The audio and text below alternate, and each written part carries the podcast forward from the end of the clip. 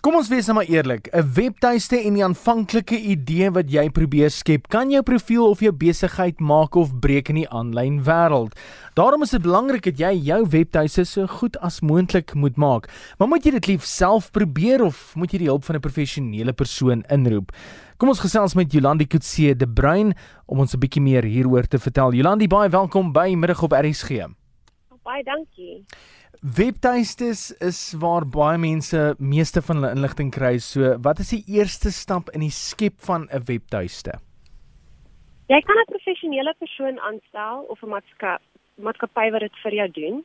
Um vanaf die domeinregistrasie, uitleg, grafiese elemente, die kodering, opstel en die maandelikse onderhoud van die webtuiste. Indien mens dit self wil aanpak, is daar verskeie programme beskikbaar Um die mees gewildste wat daar buite is is Wix. Dit is baie gebruikersvriendelik. Um WordPress is bietjie meer um moeilik. Dit verg bietjie meer kennis um indien jy nie enige opleiding in die veld het nie. Wat is die koste daaraan verbonde as 'n mens besluit jy laat doen dit eerder deur 'n professionele persoon? Wel die koste is afhangend van die tipe webtuiste, die hoeveelheid bladsye, hmm. Die extras en die werk en die ure wat daarin gesit word maar dit wissel vanaf so 5000 tot 20000 rand. Is daar 'n opleiding wat nodig is vir so iets, 'n graad of rekenaarstudies? Ek sal dit wel aanbeveel as jy daarin belangstel dat die nodige opleiding ontvang word. Um, maar as iemand dit self wil doen en nie 'n professionele persoon wil gebruik nie, is daar baie hulpmiddels op die internet hm. beskikbaar. Hmm.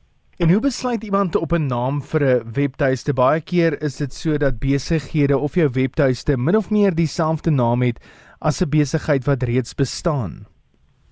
Um wel, soos jy sê, dit word bepaal deur die doel van die webtuiste. Um as dit vir jou besigheid is, soveel ek aan dat dit dieselfde naam is as jou besigheid, indien die naam reeds gevat is, um vat iets wat naaste by daar is dat die mense jou nog steeds kan herken.